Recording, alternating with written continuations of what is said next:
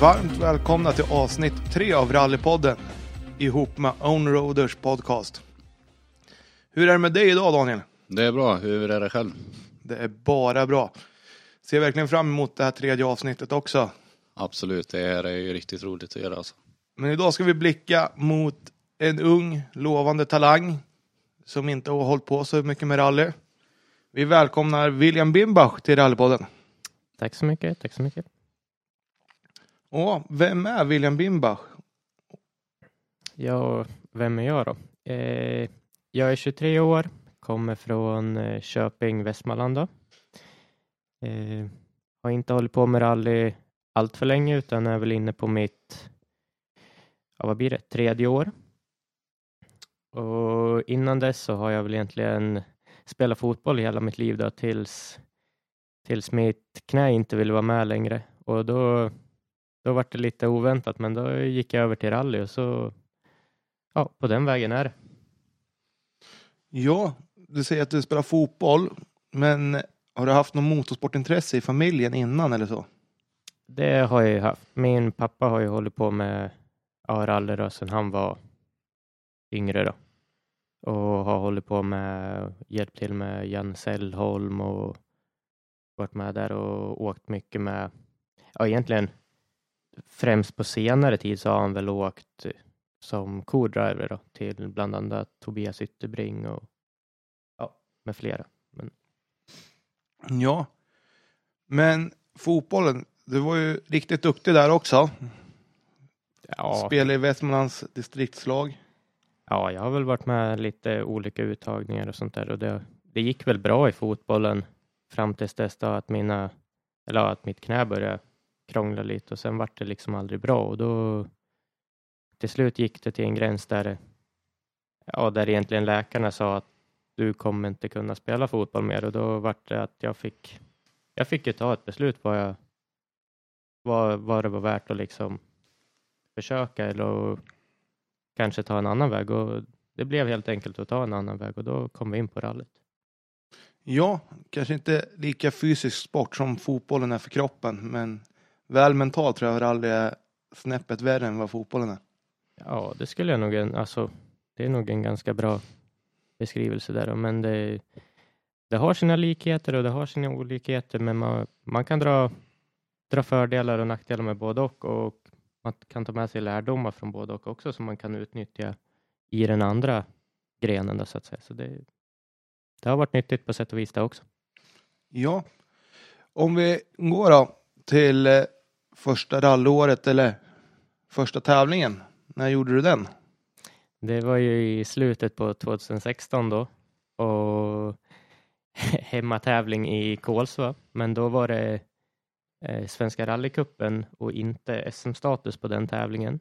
Och, ja, min inställning var väl att det var, det var väl ganska enkelt att köra bil. Liksom så här. Jag hade väl kanske testat någon gång och lite sånt där och trodde att man var Colin McRae, liksom hade ju spelat lite spel och sånt också, men eh, det visade sig att det, det var inte riktigt så enkelt, utan det, den tävlingen slutade i ett träd ganska hårt.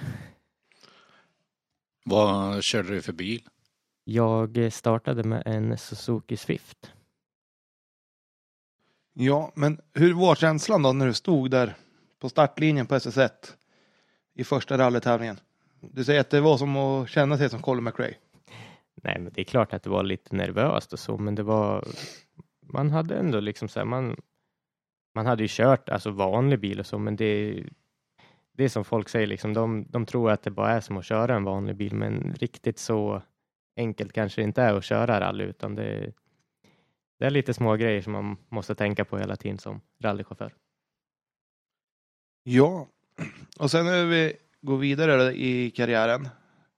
Så vad satte du för målsättning från början med ditt rallyåkande? Jag har ju alltid haft den målsättningen att när jag går in i någonting så vill jag ju göra det till 100 procent. Så min målsättning har ju egentligen sedan starten med rallyt varit att alltså jag vill nå världstoppen. Det är liksom, det är ingen snack om saken. Sen får man liksom ta steg för steg och ha lite mål under tiden. Men det, alltså målet har ändå alltid varit att komma så långt som möjligt. Ja, och- då satte du upp en plan kan jag tänka mig. För dig själv och för de närmaste inom teamet.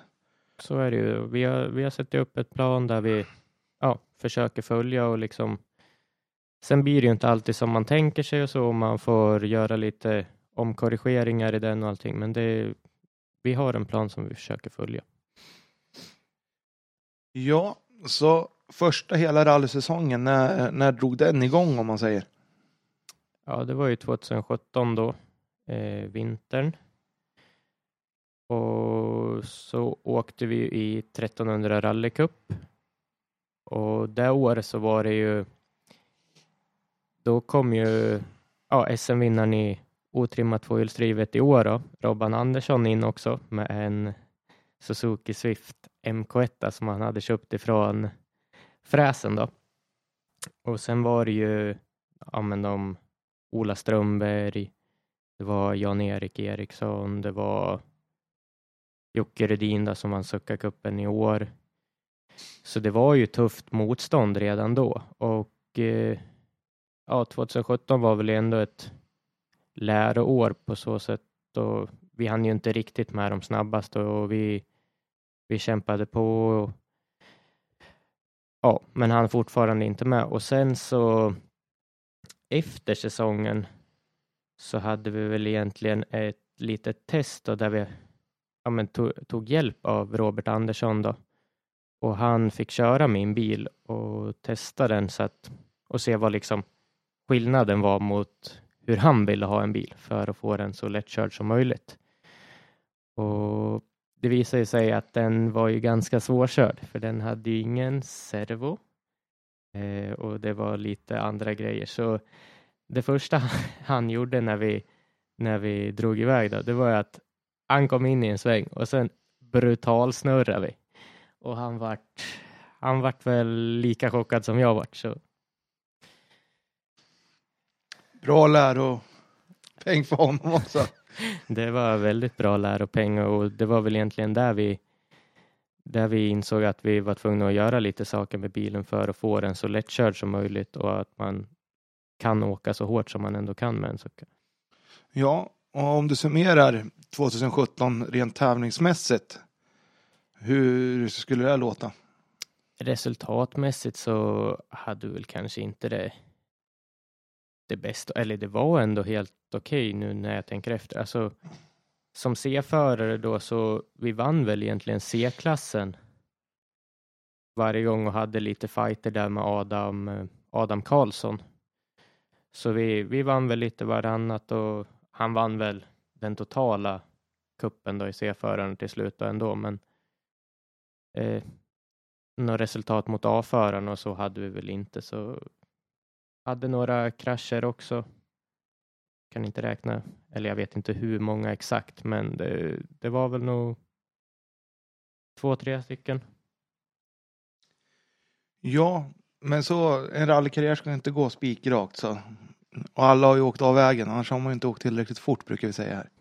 Nej, de säger det. Så, ja, med hjälp av Robban då inför 2018. Ja, det var väl egentligen där det lossnade väldigt mycket då efter att Robban hade hjälpt oss. Så ja, vart gick premiären? I, var det i Bergslagsrallet? Då var vi väl fyra eller femma.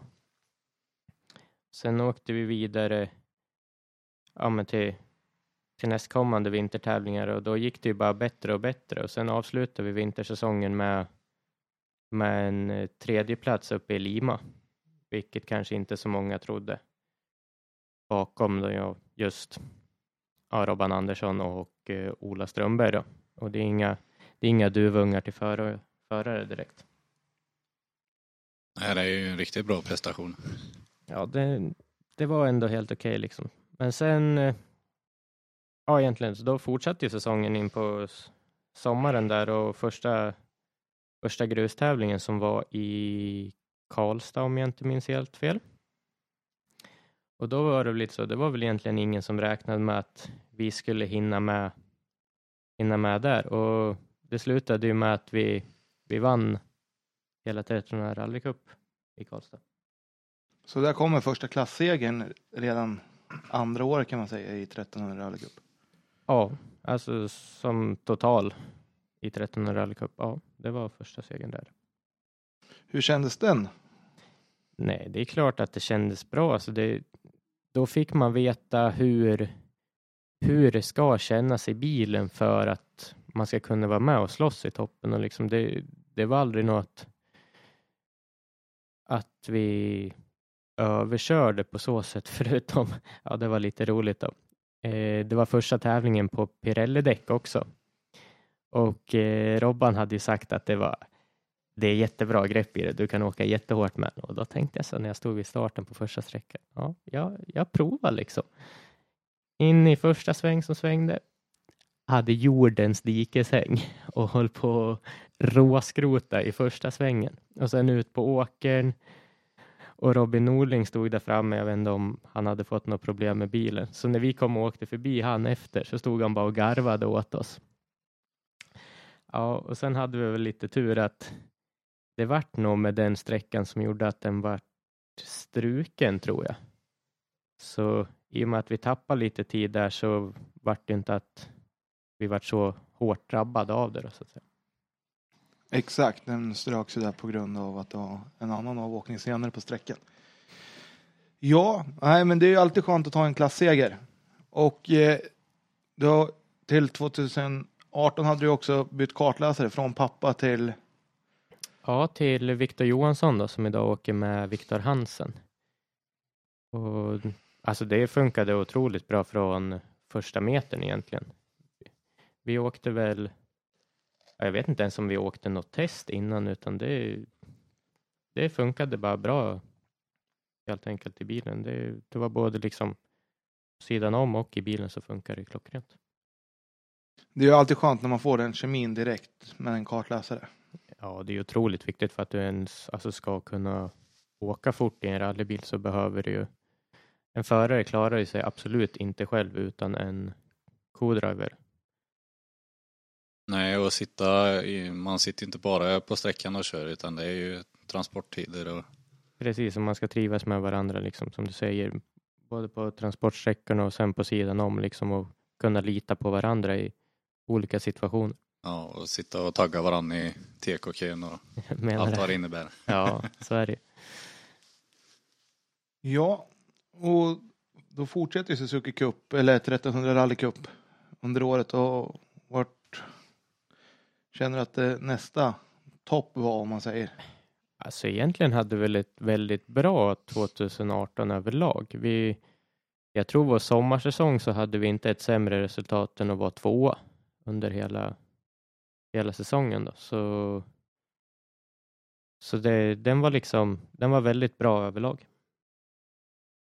Det låter jättebra.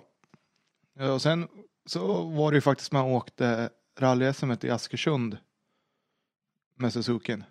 Ja, det, det var kanske inte den bästa tävlingen att välja när man åker en Suzuki då, i och med att det var, det var väldigt snabba vägar. Hade väl inte riktigt någon chans att hänga på, vilket man ändå inte ska göra mot R2-bilarna. Men hade man valt en tävling där det hade svängt mer så hade man ju kunnat haft en lite större chans. Det är bara att kolla på ja, men egentligen Robban i avslutningstävlingen i Blekinge. När han var, vad låg han? Åtta eller tio totalt i, i den tävlingen innan det började regna. Så det säger ju en del om hur fort man kan åka med en Suzuki. Ja, det kan man ju se när man står ute och kikar. Det är inga dåliga ladd ni har Nej, i det, Suzuki-cupen. nej de, det laddas rätt hårt där. Ja, och hur slutar säsongen då? Ja, hur slutade säsongen? Det var väl ja, om det var där nere i Blekinge. Vi hade väl en lite tuff avslutning då, slutet av säsongen där vi hade ett motorras i Eskilstuna när vi ledde efter första sträckan. Så på andra sträckan rasade motorn. Och sen var det väl där nere i Blekinge där eh, ja, vi egentligen Robban kunde vi inte göra något åt, men eh, andra platsen hade vi väl tills fram till sista sträckan när jag gjorde ett litet misstag när det hade börjat regna och vi ja, helt e-, enkelt gled ut lite långt och träffade en sten som gjorde att kulbulten gick av. Ja, då är det inte lätt att fortsätta när du inte har något hjul kvar. Nej, det är lite svårt. Hjulet, eller hjulet satt ju kvar först, men sen när vi kom på en raksträcka då höll vi på att åka rakt ut på åkern på vänster sida för att hjulet ställde sig som en, ja, vinklat helt. Så det, det var en intressant resa där också. Ja, spänning i allra högsta grad när, när hjulet bara viker sig. Ja, det, det är rätt spännande när det går så fort det bara går.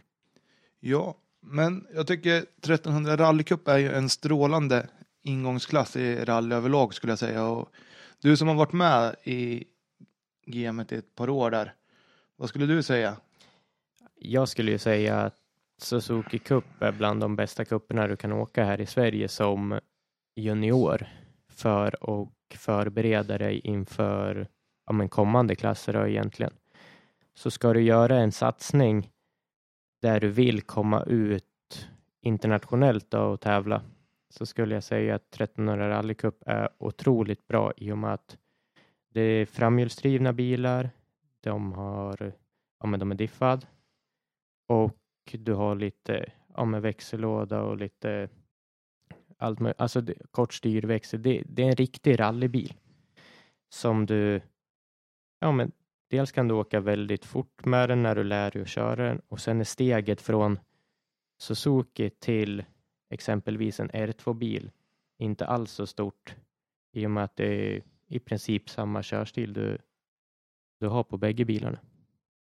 Ja, och sen driftkostnaderna på en Suzuki är ju inte skyhöga heller. Nej, utan de är väldigt överkomliga och du kan köra otroligt mycket bil för pengarna. Nackdelen nu för tiden är väl att det börjar väl tryta lite med delar, så det är väl egentligen den enda nackdelen jag ser med 1300 Rally Cup idag, att det, det börjar bli svårt att få tag i delar när det går sönder. Ja, och sen är det ju väldigt fina prisbord brukar vara som ni chaufförer hade hjälpt till med vad jag förstod det som. Ja, det är också en otroligt rolig grej som de har i kuppen där att vi samlar ihop eh, ja, med priser till, efter varje tävling då, som vi sen delar ut till ja, dels de som kommer på pallen och sen eh, kanske bästa junior eller vad som helst. Liksom. Alltså det, det bestämmer den, ja, de i kuppen vilka priserna ska gå till också. Sen kan det bli lite så här bensinpengar och få tillbaka startavgifterna. Så det, alltså det är en otroligt ekonomiskt bra plattform att börja på. Alltså att börja sin rallykarriär på. Ja, och sen är det där, det finns ju en kupp i kuppen. Det säger ju att det kommer tillbaka gamla rävar som Robban Andersson och Jan-Erik och de här. Om du som junior åker 1300 rallycup så finns det väl en kupp i kuppen till dem. Precis, det finns ju en juniorcup som ingår, alltså där du åker om poäng i, alltså i stora 1300 rallycup och sen åker de enskilda poäng i en juniorcup också mot andra juniorer. Så rent krasst så skulle man ju kunna vinna bägge kupperna likt det har varit i ja, men SM i år. Egentligen. Ja, exakt. Ja, du, och om du sammanfattar 2018, var det värt att åka Suzuki en hel säsong?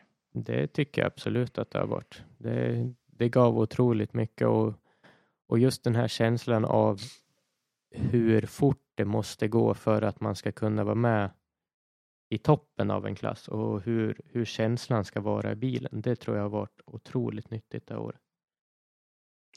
Ja, då går vi till 2019 och där får vi väl säga grattis att du blev uttagen till ett av landslagen. Ja, vi vart väl med där i och tillhörde ja, utvecklingslandslaget då och var med på landslagssamling där på Bosön. Hur kändes det att få ett sånt kvitto på, på en så kort karriär? Nej, det, det, alltså det är klart att det är roligt. Det är klart att det motiverar och att man får träffa andra förare från andra grenar och ja, prata med dem om deras karriär och liksom lära sig av varandra. Så det, det var otroligt nyttigt och roligt. Ja, och har, Och om du berättar för dem som inte vet riktigt hur landslaget fungerar inom bilsporten, vad skulle du säga? Ja, jag har inte, jag har inte varit med så länge i landslaget liksom, men det de anordnar helt enkelt samlingar där man samlas och eh, har olika, ja, ibland kan det vara aktiviteter, ibland är det träningsläger liksom där du får fysisk träning och mental träning. Så egentligen landslaget fungerar ju som en, som en supportplattform både fysiskt och mentalt där du kan få, få en del hjälp från ja, alla möjliga inom organisationen. Hur blir man uttagen till eh, landslaget? Då när jag varit uttagen så blir man ju kontaktad. De hör av sig liksom bara Precis. som det. Så, så var det när jag blev uttagen. Sen vet jag inte riktigt hur de har lagt upp det i år. Men det, det återstår att se. Och du bara, ja, jag tackar ja, det var inget att tveka på. Nej, utan jag, jag såg inte att det var någonting att förlora på det, utan det är ju som sagt, man får, man får träffa så mycket nytt folk och varför ska man tacka nej när man kan lära sig av andra? Exakt, det gäller att ta hjälp med allt man får. Alla genvägar är bra genvägar brukar man säga. Ja, det, det skulle jag nog också säga. Alltså, det var lite som i tidigare avsnitt där, där, där Mattias berättade om att man ska dela med sig av sina erfarenheter för att kanske minimera kommande juniorers misstag eller hjälpa dem på vägen helt enkelt. Och det tycker jag är en otroligt bra egenskap av Mattias att han vill dela med sig av sådana saker. Ja, har du fått någon hjälp av Mattias i sådana lägen? Jag har väl inte haft jättemycket kontakt med Mattias personligen, men de gångerna jag har träffat honom så tycker jag absolut att han har delat med sig och kommit med, med, ja, med bra tips och knep på hur man kan hur man kan gå tillväga med saker och ting. Så absolut.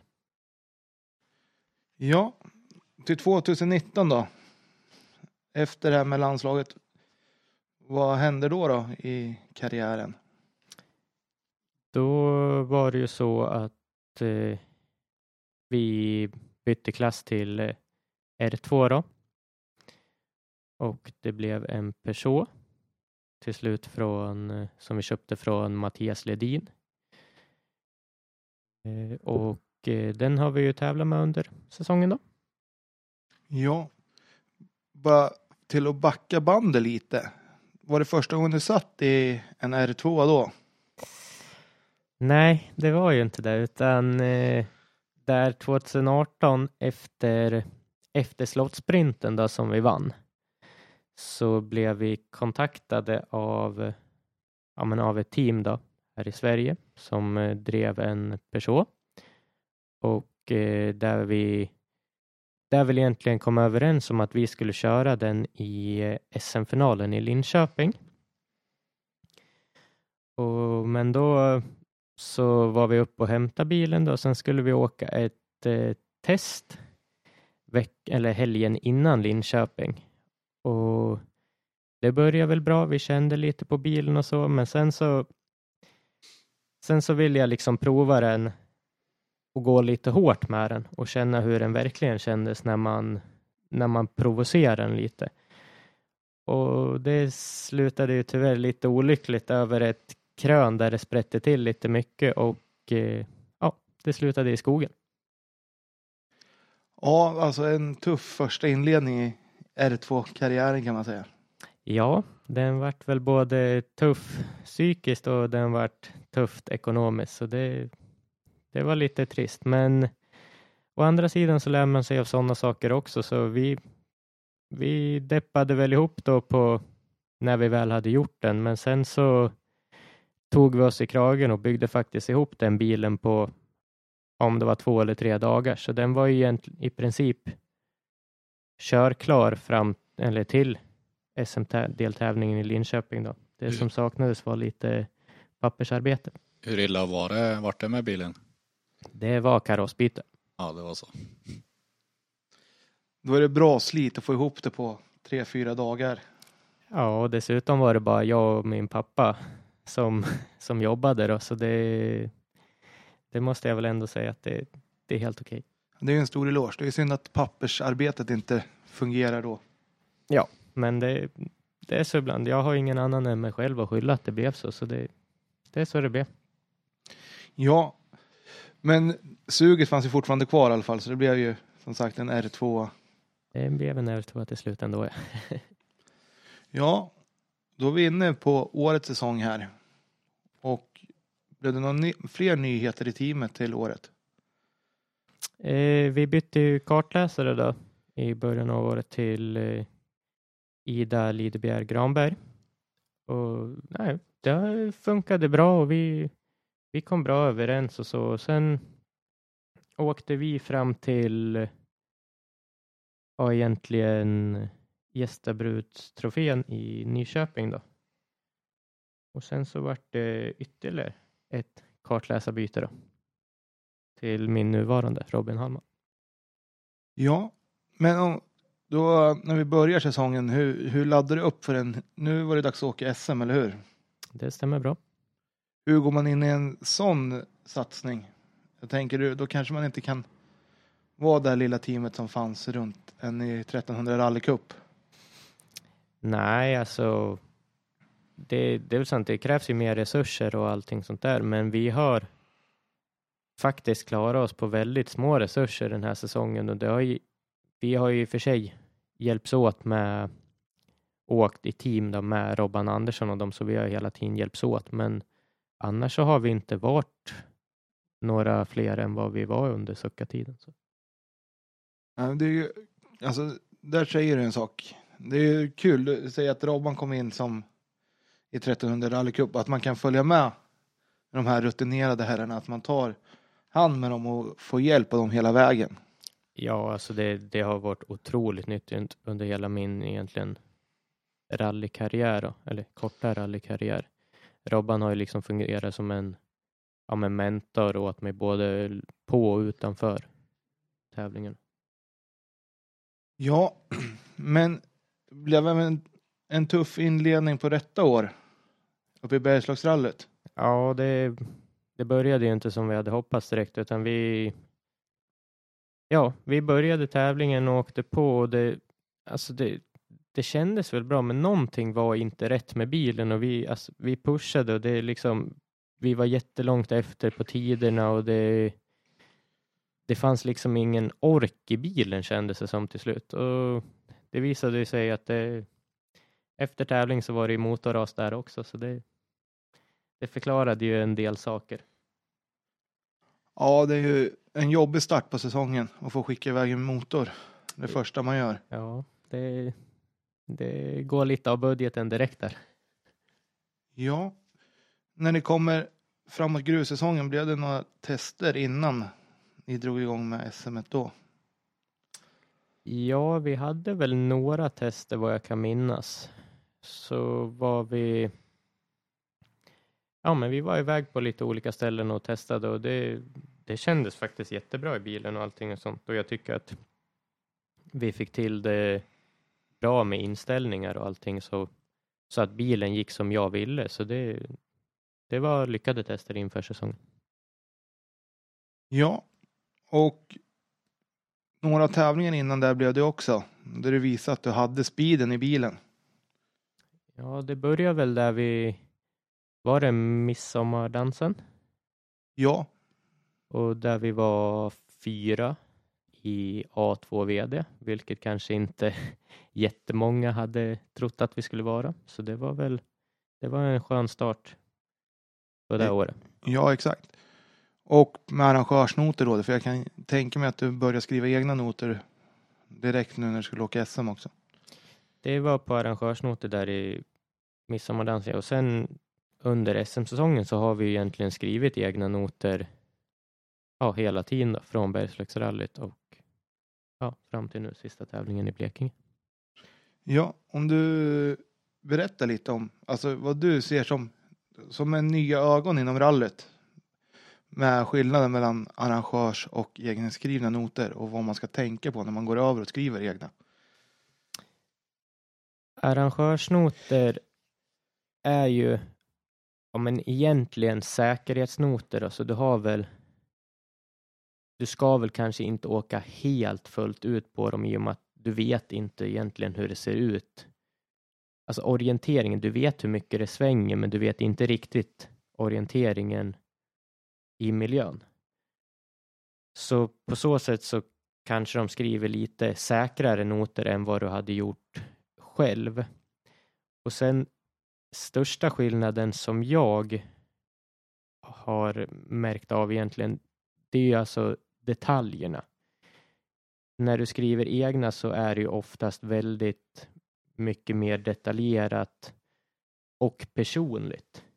Jag skriver ju kanske inte likadant som säg Mattias eller ja men någon annan förare utan det, det är så personligt hur man hur man ser vägen, hur man vill ha noterna. Så det är, alltså det är egentligen största skillnaden så jag tänker. Ja, i förra avsnittet så hörde vi Dennis Råström prata om det här att han körde en sexgradig skala och så hade han tillägget flat också. Hur har du dina noter upplagda?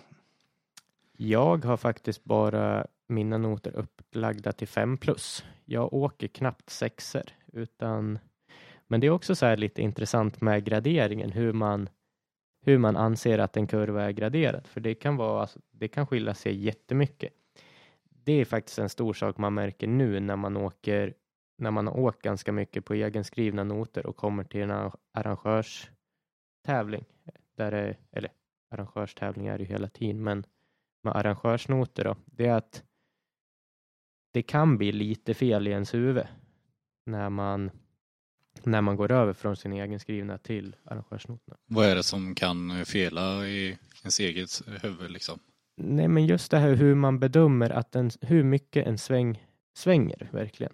Svänger det mer för arrangörsnoter eller? Ja, alltså det, jag upplever, det är väl det jag upplever att det gör liksom att de kanske är lite, faktiskt till och med hårdare skrivna än vad jag hade skrivit dem. Ja, man får väl tänka lite att det är säkerhetsnoter de skriver. Precis, så ja, det är, som sagt, det är det största jag upplever att det är skillnaderna. Ja, det är alltid kul att höra era versioner av att höra noterna, för det är ju som en egen sång i, sina, i sitt huvud. Ja, det, det där var en väldigt bra beskrivning på hur det är och liksom ja, men bedöma miljön helt enkelt. Ja. Ja, då kommer vi till SM då, gruset. Kan tänka mig att du är väldigt laddad inför den uppgiften. Ja, vi var, vi var väldigt laddade och vi som sagt hade god känsla och såg fram emot det väldigt mycket. Och det var ju nere i SSR då, Sydsvenska rallyt. Eh, ja, vi kom ner dit. Det var väl, allting gick bra, resa ner och kom ner dit, det var bra väder, men sen när det var shakedown där på kvällen så började det ju regna.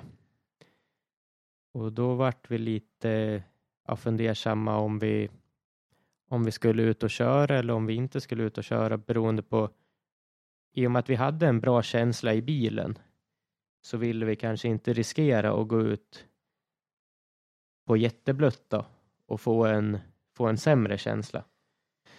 Så vi valde att hoppa över shakedownen. Och eh, sen dagen efter då när, när tävlingen startade på Millebygden så ja, vi gick ut, startade bra. Men sen någonstans mitt på, eller ja, mitt på sträckan så slog vi i en sten som ja, egentligen flyttade eller gjorde om hjulinställningarna. Och Eh, då blir det lite så här, ja, mer mentalt egentligen än, än funktionellt att man tänker för mycket när man kör. Och eh, det har vi kommit fram till att när man tänker när man kör så blir det inte alltid jättebra och då var vi väl ganska mycket efter det på fredagskvällen. Ja, en tung inledning på, på rallyt. Men det, ni har ju ett långt serviceuppehåll där innan. Och då kan jag tänka mig att ni la ner allt krut till att försöka få till inställningarna igen. Ja, det gick väl förhållandevis liksom snabbt. Det var inga jätte jättegrejer som behövdes göras utan det var egentligen bara att flytta om där så det, det gick bra och vi, ja, vi fick ihop han snabbt och åkte iväg med bilen till Park Fermé, stod där över natten.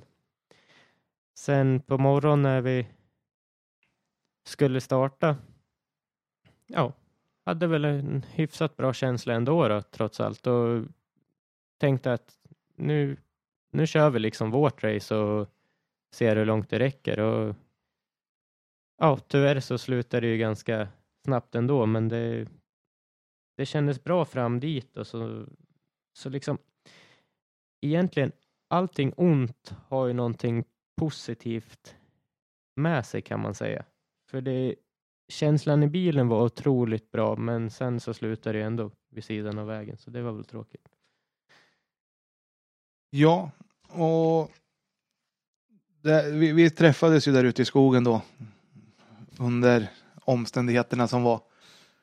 Och man, man såg din besvikelse, men man såg ändå den här gnistan till att nej, vi kommer tillbaka ännu starkare. Ja, men som sagt, då kommer vi återigen till det här. Allting negativt har någonting positivt i sig. Och det var liksom så här att känslan var ju fortfarande bra, men sen blir man ju så himla besviken när det Ja, men när det blir som det blev då, för du vet hur många garagetimmar du måste lägga ner, du vet att det kommer ta från din budget som du har samlat ihop för att du ska kunna köra rallytävlingar. Det är inte så att man prioriterar att stå i garaget och laga en bil kontra att köra rallytävlingar utan alla som kör rally vill köra tävling. Mil i kroppen. Mil Ja. i kroppen. Mil i kroppen är otroligt viktigt. Ja, och det var ju enbart två veckor kvar och jag kan tänka mig att det blev x antal garagetimmar efter avåkningen där. Det blev några garagetimmar där och vi klarade väl oss förhållandevis bra ändå. Liksom, det var inga vitala delar som gick sönder så, utan vi, vi fick ihop han och han var klar till gästebudstrofén där. Vad var det som hände? De stora grejerna var väl egentligen att kylaren och fläktarna gick sönder. Annars så var det inte jättemycket ja, för stötfångare och allting sånt där. Men om vi säger vitala delar så nej. Inte. Men det var en avåkning alltså? Det var en ganska grov avåkning. Yes. Ja, men till starten i Nyköping kom ni ju. Mm. Och det var väl också en tävling där det ja, egentligen där gick det ju ganska bra i starten då. Vi låg väl fyra efter första dagen om jag inte minns helt fel. Ja, det var en sträcka som gick två gånger där och jag tror, har för mig att det, ni låg fyra eller femma. Det var ju otroligt tajt i hela R2-klassen där. Det var väldigt tajt som det har varit under hela säsongen. Ja, så till lördag morgon där så skulle ni åka tre sträckor och sen en liten service och sen åkte ni två av dem. Mm, det stämmer bra. Och det, nej, men det gick väl egentligen bra hela förmiddagen där. Kom till lunchuppehållet. Fick lite mat i magen och samla ny energi. Sen gick vi ut där på eftermiddagsloopen och jag tror det var på, var det SS7 som var första där? Ja, det var ju långsträckan där på Ja, precis. Och då var det så att vi kom ju ut i sträckan och sen vart det något form av stopp där, så vi fick ju stanna och stå där ett tag. Och när man precis har ätit och sett en ganska lång transport så är man ju inte jättepigg på att stå still, men det, det är som det är, man får acceptera det och liksom försöka ladda om. Och så startar vi sträckan. Och sen tror jag det var någon ja, en vänstersväng där vi missbedömde lite helt enkelt, kom lite fort, fick sladd och sen på returen så träffar vi ett träd vänster fram. Inte, inte jättehårt men ändå så pass hårt att ja, att bulten till, ja kulbulten gick av. Så då fick vi stanna och meka lite.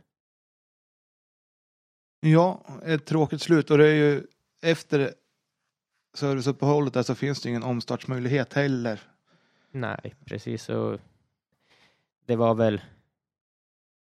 Nej, alltså som, som du säger, det finns ju ingen omstartstillfälle och sen är det ju ändå, då har man förlorat så pass mycket så det är frågan om det är värt att starta om då ändå eller åka hem och fixa bilen så att den är klar till nästa tävling. Ja. Och då blev det ett litet sommarbreak där. Och vad hände? Ja, du berättade tidigare att det blev två co-driver under året och där sker ena bytet va? Ja, det stämmer bra. Det var ju där under sommaruppehållet som vi, ja men vi tog ett gemensamt beslut, jag och Ida, att det, det, vi ville göra satsningarna på ja, skilda håll då, helt enkelt. Och då, då kom Robin in i bilden och det har funkat klockrent sedan dess. Ja. Och du får ju ner till Borås där också och åkte lite SM-sprint. Nej, Malmö. Malmö, Malmö förlåt. Eh, ja, det stämmer bra. Men där nere fick vi väl inte att funka riktigt som vi ville. Hade väl lite flyt då att vi gick till finalen då på grund av att vissa bröt. Men eh, ja, fick väl till bättre åk då, men det, den där riktiga känslan i bilen var väl kanske inte som den, som den brukar vara. Men visst stämmer att du hade tagit hjälp av Robbans kartläsare kapten då? Det stämmer jättebra. Kapten var med mig då och åkte och vi, ja, vi körde den där lilla korta reken och han åkte med mig och det, nej, men det fungerade bra. Sen eh, efter eh, SM-sprinten då så åkte vi direkt upp till eh, Växjö eller Dackefejden som ja, ligger där kring och eh, åkte den dagen efter då på arrangörsnoter. Då. Men eh, det var väldigt nyttigt för mig. Det är också en sån här punkt där man i karriären där man lärde sig väldigt mycket från en väldigt rutinerad kartläsare. Jag tror ju knappt det är någon som har fler tävlingar än vad kapten har i Rally Sverige. Han är en rutinerad herre. Han har åkt några tävlingar. Så. Och det gick ju grymt bra nere i Dackefejden också måste jag säga. Ja, det, det gick väl bra fram till sista sträckan när vi åkte punktering och fick åka med punktering halva sträckan. Så där tappade vi väl otroligt mycket tid, men annars gick det ju annars gick det bra, absolut. Du lyckades ju ändå fixa en andra plats. Ja, jag kommer inte ihåg hur många startande det var i klassen, men det, ja, det blev en andra plats så det, det var väl bra i sig. Ja, och som du säger, Robban kliver in i vet du, högerstolen, Hallman. Och eh, hur var planen där eller vem var det som tog den kontakten? Nej, alltså jag och Robin har väl egentligen haft kontakt sen, ja men egentligen sen vi började med rally i och med att han också är från Köping då. Så har vi hela tiden haft kontakt och lite så. Vi, han har varit med och åkt. Ja, han var ju med och åkte testet då i början av säsongen i år då. Så han har ju hjälpt till lite och hoppa in när det inte har passat med andra kartläsare och sånt där. Så det egentligen var det ett ganska naturligt steg i och med att han inte hade någon någon som riktigt åkte en full säsong då. Så det vart det vart väl win-win för båda. Ja, och då första tävlingen gör ihop är nere i Kullingstrofén nere i Herrljunga. Och hur känns det då med samarbetet? Nej, men alltså det, det, det kändes otroligt bra. Allting funkade väldigt, väldigt, väldigt bra. Och vi lyckades bli tvåa i A2 VD. Ja, det är ju stenhård konkurrens var väldigt starkt att komma så högt upp i Svenska rallycupen med en R2-bil skulle jag vilja säga. Ja, och ja, det håller jag väl kanske med om. Och, men fokuset innan tävlingen var väl egentligen inte på liksom alltså resultatet så. Vi visste ju att ja, men Eddie Lundqvist och Isak Nordström och de var med och åkte, så det var egentligen de vi fokuserade på att åka mot R2-orna. Sen så var det ju en glad överraskning att vi ja, lyckades vara tvåa i hela A2 VD. Ja. Och sen kommer vi till hemmatävling för dig. Kolsvarundan. Jag kan tänka mig att det byggs upp förväntningar inför en sån tävling. Ja, det, det är klart att det byggs upp förväntningar, men jag tror inte att det byggs upp mer förväntningar utifrån än vad det görs ifrån en själv. Då. Så det, jag tror nästan alltid att man sätter högre press på sig själv än vad omgivningen gör, så att säga. Men eh, det var väl också en tävling där vi liksom Nej, men vi, vi gör det vi kan liksom. Gick ut och körde. Kändes ah, bra allting. Men sen tyvärr på första sträckan så blev det ju en liten, eller liten, en väldigt tråkig olycka. Och det satte väl sina spår under hela dagen. Ja, det blev ju en riktigt tråkig start på rallyt där med den kraschen som blev där på SS1.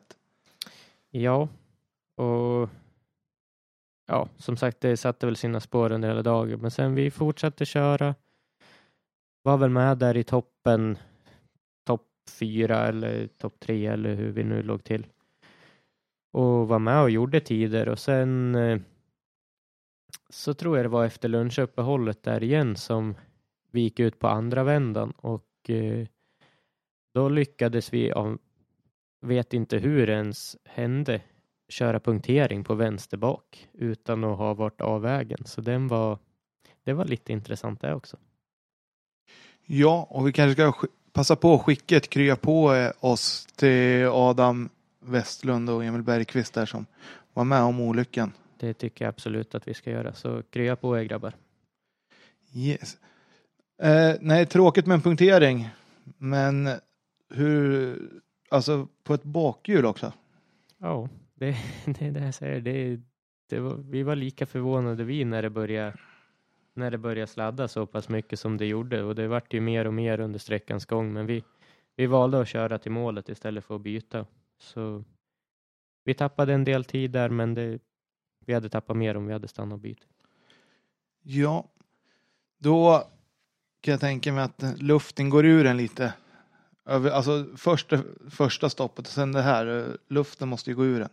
Ja, det är klart det gör och sen när man har alla sina ja, men sponsorer som har hjälpt en under säsongen på plats så man vill ju gärna göra ett bra resultat inför dem. Alltså det vill man ju hela säsongen, men när de är på plats ute i skogen och kollar så det, nej, det var väl en luften som sagt försvann ju ganska snabbt. Ja, men på powerstation, var det så att du tänkte att nu jäklar ska vi försöka här eller var det nej nu ska vi ta bilen i mål bara? Nej, det, det var också lite så här, lite roligt för första vändan på den sträckan så var vi ju var vi ju tvåa i klassen om vi var någon ja, men om det var tiondelar eller om det var en sekund efter Albin Nord då. Och sen eh, på när det var dags för powerstation så tänkte jag så här, men vi, vi går för det, vi, vi försöker. Och eh, startade bra, hade bra attack och sen så visste jag ju att det, det kommer ju ett krön där, där det går ner i en, om det är en höger tre sänka och sen vänster två. Och då tänkte jag att jag håller fullt över krönet och sen, sen så hoppas vi att det går liksom. Och där höll det på att gå riktigt åt skogen och ut i en, ja, vad heter det, timmer, timmerstockar. Så det, men vi klarade det och sen så kom vi i mål var väl någon sekund efter snabbaste, så det, eller några sekunder. Så det, vi tappade ju mer på det än vad vi hade gjort om vi bara hade försökt att köra cleant så att säga. Men ibland måste man försöka och då blir det som det blir ibland. Ingen minns en fegis. Precis. Ja, och då är det ju fortfarande två SM-deltävlingar kvar. Men du gör fortfarande lite inhopp i Svenska rallycupen. Ja, vi, vi vill ju som sagt försöka köra så mycket bil som möjligt det här året och lära oss hur R2 fungerar. Så tävlingen där var väl Eskilstuna. Det stämmer bra det. Eskilstuna, ja. Och det är, alltså, det är en erkänt ganska svår tävling. Det, det är lite luriga vägar, men det är otroligt fina vägar också. Och ja, det slutade ju också bra. Ja, hur bra slutade det? Var vi inte tvåa efter Fredrik Eriksson? Stämmer alldeles utmärkt gör det. Ja. Och alltså vad känner man där? Du, då åker du ifrån Hampus Jakobsson och de här som du tampas med i JSM i vanliga fall. Ja, det är klart att det kändes bra. Alltså som sagt, man, man får en bra känsla i bilen och vet hur det ska gå när det ska för att man ska vara med. Så det, det är ju den känslan man eftersträvar. Då. Sen är det ju klart att, skönt att lyckas alltså slå konkurrenterna, men det, det är så små marginaler så det, det handlar liksom om vem som har en bättre dag än den andra. Liksom. Så det, är- det är otroligt små marginaler. Ja, och nästa SM-deltävling är ju nere i Linköping. En, en tävling som är ökänd för sina vägar och att det är väldigt krokigt och det är en blandad karaktär, både krokigt och, krokigt och snabbt.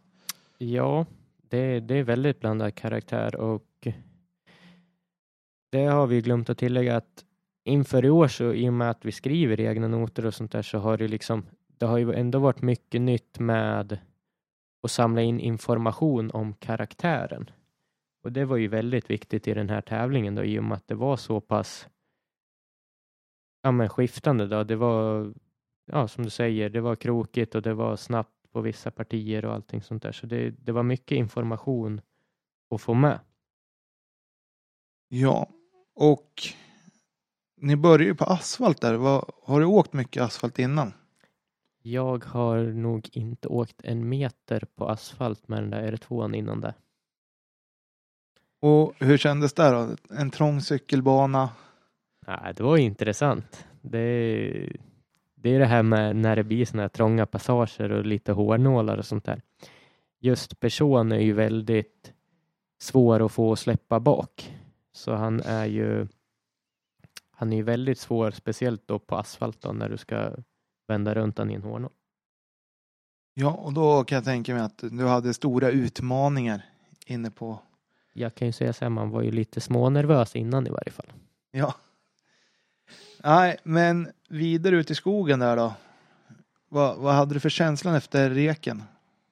Nej, det var, det var riktigt häftiga vägar och så. Det var trångt, smalt. Det var, vissa partier var riktigt häftiga och vissa var mindre liksom skogsbilsvägar då, om man säger så. Så det, nej, känslan var absolut bra. Så det, och vi fick till, nej, vi fick till noterna väldigt bra också, tycker jag. Ja. Och där är det ju som sagt, det är ett stort startfält i R2 överlag har varit under hela året. Och där nere var det ju också tajt om, om placeringar. Det var, det var väldigt jämnt och som du säger, det har, som, det har ju varit det hela året.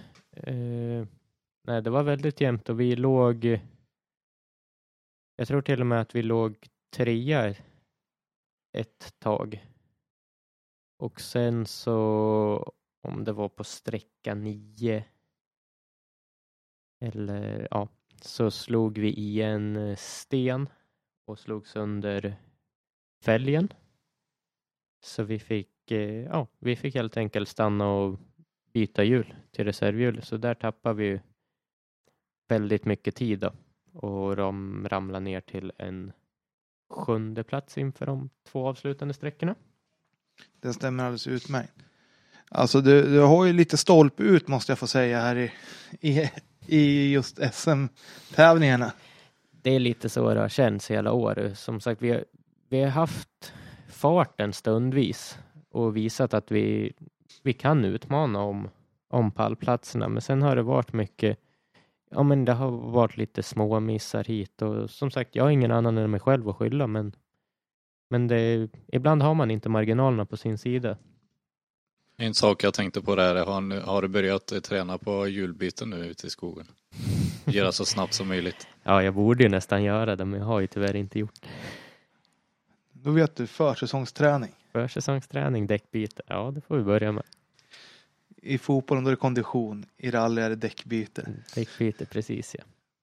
Nej, sen en, en lite rolig sak till där på i Linköping där, det var ju att när vi slog sönder fälgen och bytte, för vi åkte ju ja, utan hjul vänster bak då i några hundra meter. Och när vi bytte så tänkte inte jag på det, men eh, tydligen så hade bromsskivan försvunnit. Och när vi skickade på däcket så såg vi inte det och eh, ja, alla som kan lite om bromsar grejer vet ju att när det inte har någon bromsskiva och, och bromsoken och kolvarna där så kan man trycka ut kolvarna och då blir det inte så bra. Men som sagt, någonting på, eller man ska ha tur med sig också och då hade ett bromsbelägg lagt sig på tvären och höll kvar kolvarna då. Så de kunde inte trycka ut fullt ut. Så vi hade ju bromsverkan då och lyckades vara snabbast på de två sista sträckorna, inklusive powerstation. Då. Det snackar vi tur i otur. Det kan man säga. Lite vilja också. Lite aggression skulle jag säga Så- också. Så nu åker du bara med en bakbroms alltså? Japp, Eller? hela tiden. Ja, yes. Ja, då var det två veckor till SM-finalen i Blekinge. Där, ja, där vart några garagetimmar igen då för det var väl inte jättemycket att fixa så, men liksom gå över bilen, se så att den fungerar bra till, till finalen då, så att vi ja, men kan göra ett ärligt försök och komma åt den där pallplatsen som vi siktade på hela säsongen. Tror du att du hade någon fördel av att ni hade varit där nere och åkt Suzuki Cup innan? På sätt och vis, ja, men å andra sidan så är det lika för alla liksom när man kommer ner där och nu är det ändå rek i SM så det, det blir ändå fair and square att man alla har sett vägen lika många gånger. Liksom.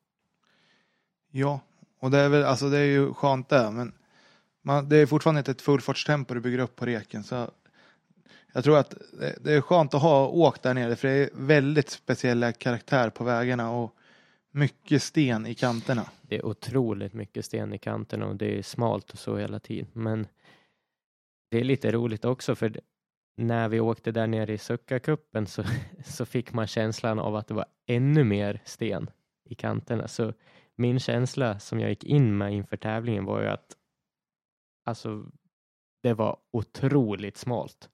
Och riktigt så smalt kanske det inte är. Så jag vet inte om det blir en negativt eller positivt liksom att av alltså den erfarenheten jag hade innan där. Ja, och väl när tävlingen startar där, det blir ju första mörkret också. Ja, jag har, jag har aldrig åkt med den där bilen i mörker och jag har aldrig åkt med den på ja, blött underlag egentligen. Och det var båda två samtidigt. Då.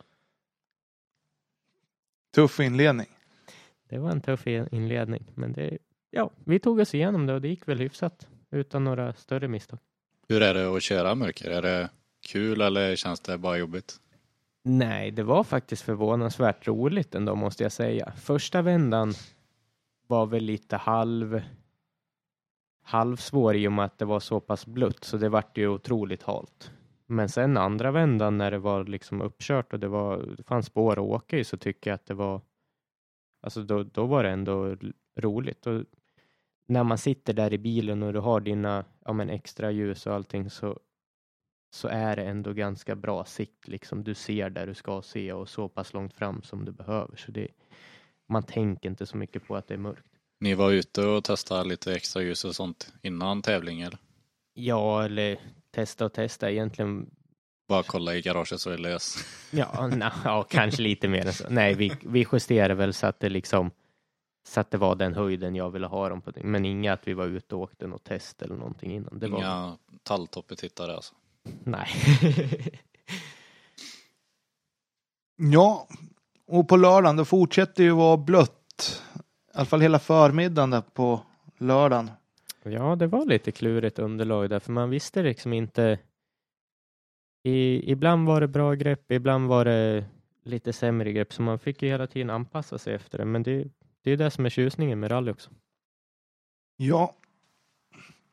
Nej, men det är ju som du säger, det är klurigt och rough som Dennis använder väldigt mycket. Rough, ja. Ja, nere i, nere i Blekinge där kan, kan man väl säga rough. Så. Men här kommer faktiskt ditt bästa resultat under året i, i JSM. -et. Ja, och hela SM liksom. Vi, vi tog väl en andra plats där. Hade, ja, kanske inte på helt egen fart i och med att en före bröt dem, men, men det, då åkt, det var ju en avåkning så det, det är liksom ibland ligger man där på gränsen och ibland är man, har man en- inte marginalerna på sin sida. Så. Det är en del av sporten. Precis, och det har jag fått erfara några gånger så. Ja, du, du är väl den som förtjänar lite tur i det här läget och att någon annan försvinner framför dig. Ja, det, i det här läget kändes det nästan som det, men sen så tycker jag faktiskt aldrig att det är roligt att vinna på sådana sätt, utan det, det känns bättre att köra om det. Men nu, nu blev det som det blev. Ja, och sen så är det ju så att nu börjar vi ju närma oss slutet av säsongen och eh, åkte du någon mer tävling efter Blekinge? Eh, ja, vi har ju faktiskt eh, åkt två tävlingar efter Blekinge. Då. En, eh, en här i Sverige, då, Marknadsnatta. Där eh, kanske inte heller gick så bra.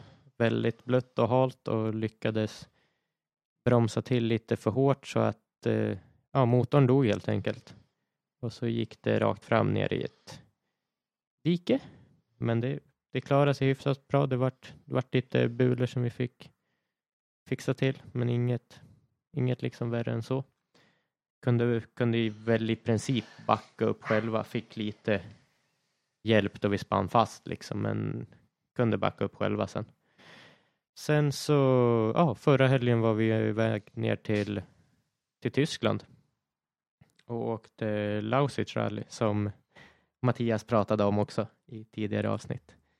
Det var, det var en intressant erfarenhet.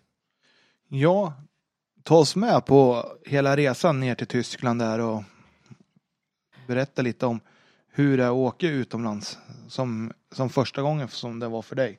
Ja, det var väl egentligen så att vi Ja, men vi kontaktade väl dem och pratade lite och så bjöd de ner oss dit, fixade, hjälpte oss att fixa med, ja, men med boende och lite startavgifter och grejer. Och eh, så hjälpte de oss även med, ja, med rekbil då, hyra det. Och det var också intressant för då, då bokade ju de en bil som vi var tvungna att hämta ut en viss tid. Och vi visste ju att, ja, vi sa ju när vår färja och så skulle gå, men de sa det, ni måste hämta ut den här annars så kommer det inte få tag i någon bil. Och vi sa, ja, ja, vi får försöka. Så när vi, när vi klev av, eh, eller åkte av färjan nere i Tyskland då, så var det bara liksom, ja, nu måste vi åka egentligen i sträck då för att hinna. Och eh, det började ju bra med att eh, tullen ville ju stoppa oss i och med att vi kom med en släpkärra och en buss. Så då fick vi stanna och visa upp den och när vi öppnade kärran då Ja, polisen vart väl egentligen bara lite imponerad över att det stod en rallybil där. Så vi fick stänga ganska snabbt och sen fick vi åka vidare. Så körde vi hela vägen ner till Lausitz. Var väl en, ja, en kvart eller en halvtimme försenat till det där stället. Men de, de som hyrde ut bilen var ju kvar på plats och vi hade ju väldigt mycket tur där.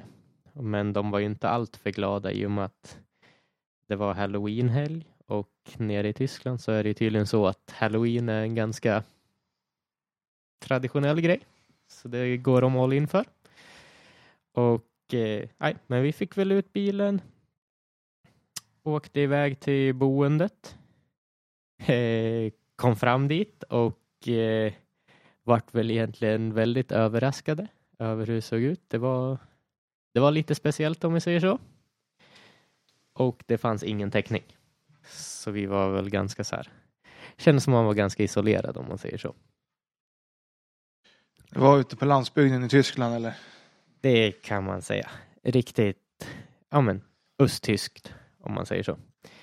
Nej, och sen så var det väl vidare då till själva tävlingen då, där vi började reka, eller anmälan för det första då. Och eh, nere i Tyskland så är de väldigt Nej, men de är väldigt noga med all, alla papper och allting, så vi fick ju fylla i otroligt mycket papper. Som, ja, vi hade väl egentligen förefyllt redan när vi skickade in anmälan, men det var väldigt mycket som behövdes fylla i extra. Vad är det för papper? Typ av papper liksom? Nej, men det är ju alltifrån vad du, vad du åker med för utrustning till ja, men, din adress och allting, vilket hotell du bor på. Alltså, de vill i princip veta allt. Och nej, men sen så åkte vi ut och reka och det gick jättebra. Och alltså allting var jättebra där med rekplan och allting som de hade sagt upp med tidsplan och sånt. Men ja, sen när vi var klara med det så skulle vi besikta bilen. Och då istället för att man får ut GPSen och allting redan vid anmälan så får man det sen när man, ska, när man kommer dit och ska besikta. Och då blir det ju väldigt mycket så här att då blir det liksom allt på en gång och de där GPSerna är ganska ja men du vet komplicerade och jag kan tänka mig de som kommer med R5 som måste koppla om eh, kablar och allting. Det är inte helt lätt i en sån bil. Och nej, men det gick väl bra till slut ändå. Vi kom igenom det. Sen var det ju dags för shakedown. Och ja, shakedown-sträckan var väl var väl sisådär kvalitet om vi säger så. Men det, vi körde den och tog det väldigt lugnt. Men fick ändå, hade en bra känsla i bilen. Det fungerade bra med inställningar som vi hade och allting sånt där. Så vi, vi var nöjda. Och sen på fredagskvällen så eller ja, åkte vi hem tillbaka till boendet och eller nej, på torsdagskvällen menar jag. Och sen på fredag morgon så fortsatte vi att reka. Och allting gick fint och sen på fredagskvällen så startade rallyt och vi, ja, vi började bra med en andra tid. Och sen så skulle den sträckan köras om en gång till, och, men då i mörker. Och då var det ju lite intressant, för normalt så brukar man ju ha 30 sekunder när man kommer fram till startlinjen i varje fall. Och i det här fallet så blev det inte riktigt så. Och alla som vet hur de här bilarna fungerar så måste man ju få på ja, men dels stage mode. Sen måste du få på alla ja, men extra lysen och sånt. Och när det är jättemörkt i bilen så är det inte alltid jättelätt att se. Och då var det så att när vi kom fram på, till startlinjen och Robin gav tidkortet så fick han det tillbaka lika snabbt och sen började de räkna ner från fem. Åh fy fan. så när jag skulle få på ja, alla de där funktionerna så skulle jag trycka på mina corner lights. Och då råkade jag göra en liten tabbe så då tryckte jag på vanliga lysknappen. Och då slocknar hela bilen. Inklusive dashen som du trycker på.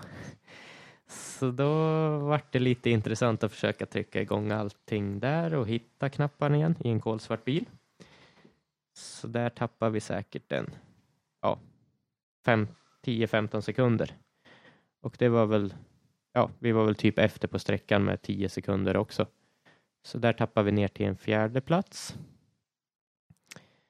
Och ja, vi var väl inte allt för glada på organisatören då, men det... Hur kommer det sig att eh, ni fick så lite tid? Ja, det undrar vi också faktiskt. Och, Ni fick inget svar på det? Jo, nej, inget riktigt liksom bra svar, men i, vi har ju våra aningar i och med att det var en, det var liksom en rundbana. Så hade väl de lite kontakt med ja, funktionärer utspridda på banan när de kunde släppa. Och då släpptes den bilen som var framför oss för sent mot sin tid. Och då ville de väl Tjäna in den tiden. precis kompensera det, men utan förvarning. Så det var väl, det är väl där vi har liksom kommit fram till själva egentligen. Nej, och sen ja, gick vi till nattvilare som fyra i klassen. Eh, starta morgonen, första sträckan. Gick, gick väldigt bra. Sen kom vi till ett, ja, egentligen, vi hade skrivit stort krön i noterna då. Och det lyfte lite mer och det var vi inte ensamma om utan det, det lyfte mycket mer på många ekipage. Och där slog vi sönder kylan. Ni landar på nosen lite då? Ja, personerna är ju lite, de är ju lite svåra att hoppa med. Så många gånger så blir de framtunga och landar hårt fram. Och i det här fallet så slog det lite fel då helt enkelt och slog hål i kylan.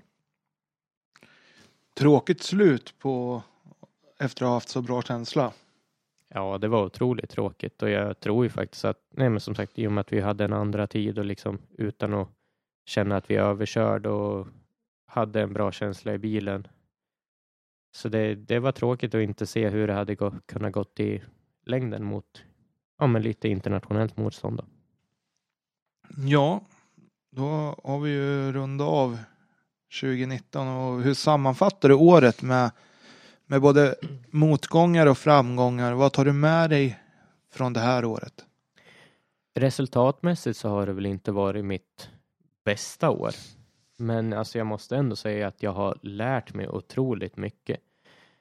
För ofta så lär man ju sig mer när man, när man får en motgång helt enkelt. Och man kan välja att ta sådana saker på olika sätt och jag har valt att ta det som en lärdom helt enkelt. Så jag, jag ser det här året som ja, men positivt trots allt och blicka framåt mot 2020 med all den lärdom vi har tagit det här året.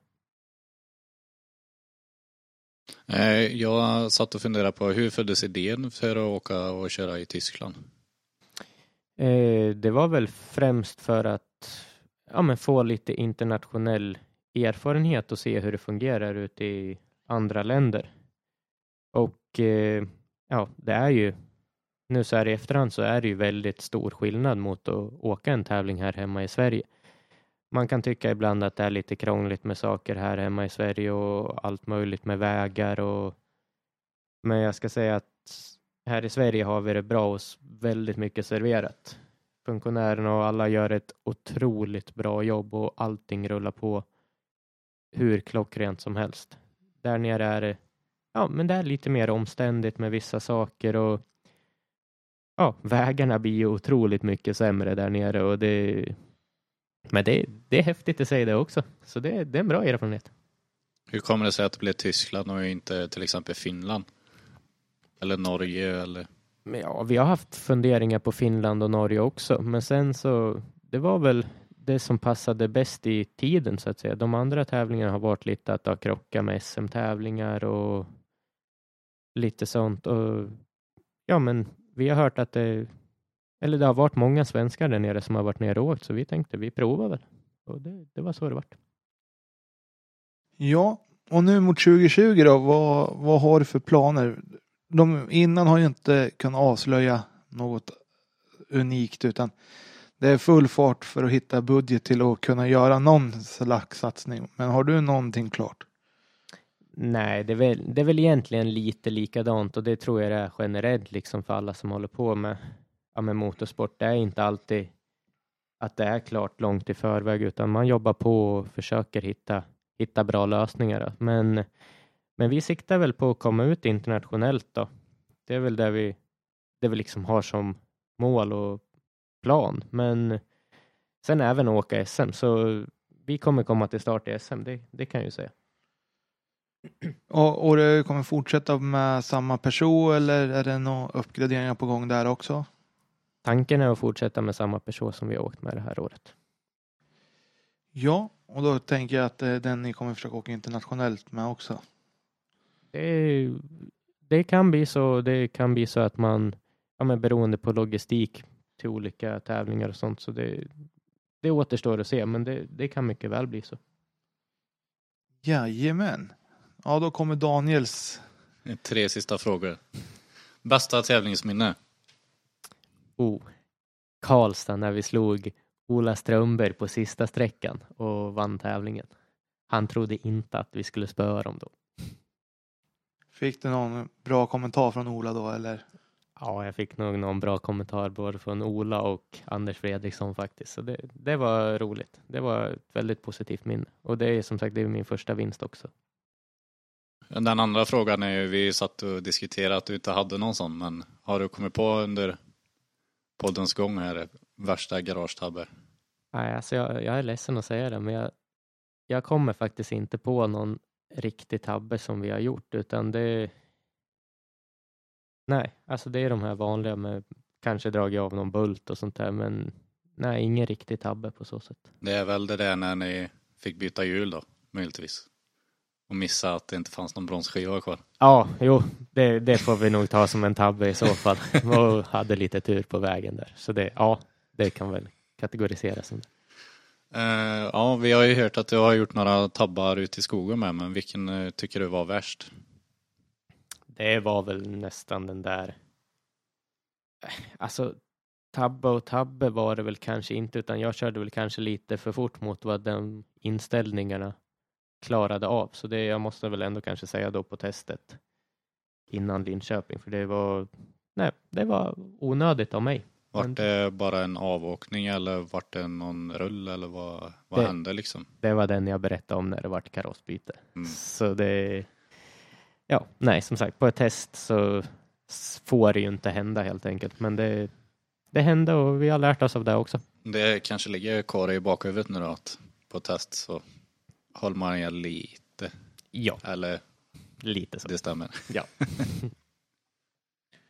Ja, och sen har jag en fråga här. Du kom ju in som väldigt gammal i rallysporten om man säger jämfört med våra tidigare gäster. Har du haft någon hjälp av tidigare, du nämnde Ola Strömberg här i bästa tävlingsminne. Har du fått någon hjälp av sådana gamla rävar inom rallyt?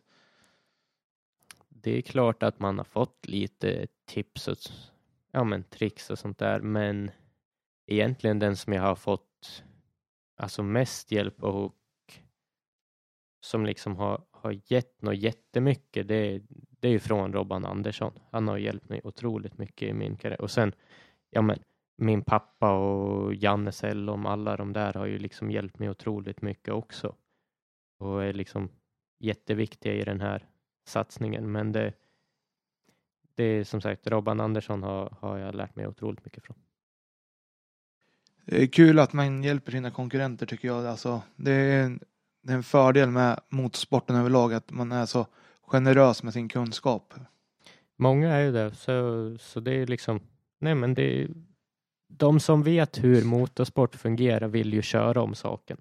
Man vill inte vinna och vinna det på sidan om, utan man vill köra om saken. Så det, det tycker jag absolut är bra att man delar med sig. Jag kom på en ny fråga vi ska ha med Hampus. Eh, som vi har glömt att fråga både Mattias och Dennis. Har du något speciellt med dig ut på transporten från service när du har varit ute? Om jag gör något speciellt? Nej, om du har med något speciellt Jaha, att dricka eller något speciellt att äta som du känner att du bara måste ha med dig ut. Nej, men eh, både min mamma och min mormor är lite smått så här vidskepliga. Så de har ju en liten grej de alltid säger att jag måste ha med mig, så den får jag ha med mig. Och vad är detta då? Nej, men det, det är inget speciellt, det är bara ett armband sådär, men Okej. det, det, det måste jag ha på mig på varje tävling, annars så betyder det otur. Så det är väl det. Är väl det. En bra grej alltså. Ja, tydligen. Eller inte, jag vet inte beroende på säsongen. Du får smyga av det där armbanden någon gång. ja, men det att testa. Ja, vi ska väl börja runda av härifrån Rallypodden. Och eh, vi tackar William för att du ville komma hit och gästa oss. Ja, tack så mycket själva. Otroligt bra att ni, att ni gör en sån här grej. Det betyder enormt mycket för rallysporten i Sverige. Ja, och som eh, sagt så kommer vi släppa varannan vecka, torsdagar. Eh, och när ni sitter och väntar på ett nytt avsnitt så går ni in på Onroaders podcast och lyssnar på lite annan motorsport som drifting. Han, eh, de har ju 170 avsnitt tror jag i Onroaders podcast, så in där och lyssna så länge. Ja, Daniel, vi tackar för oss.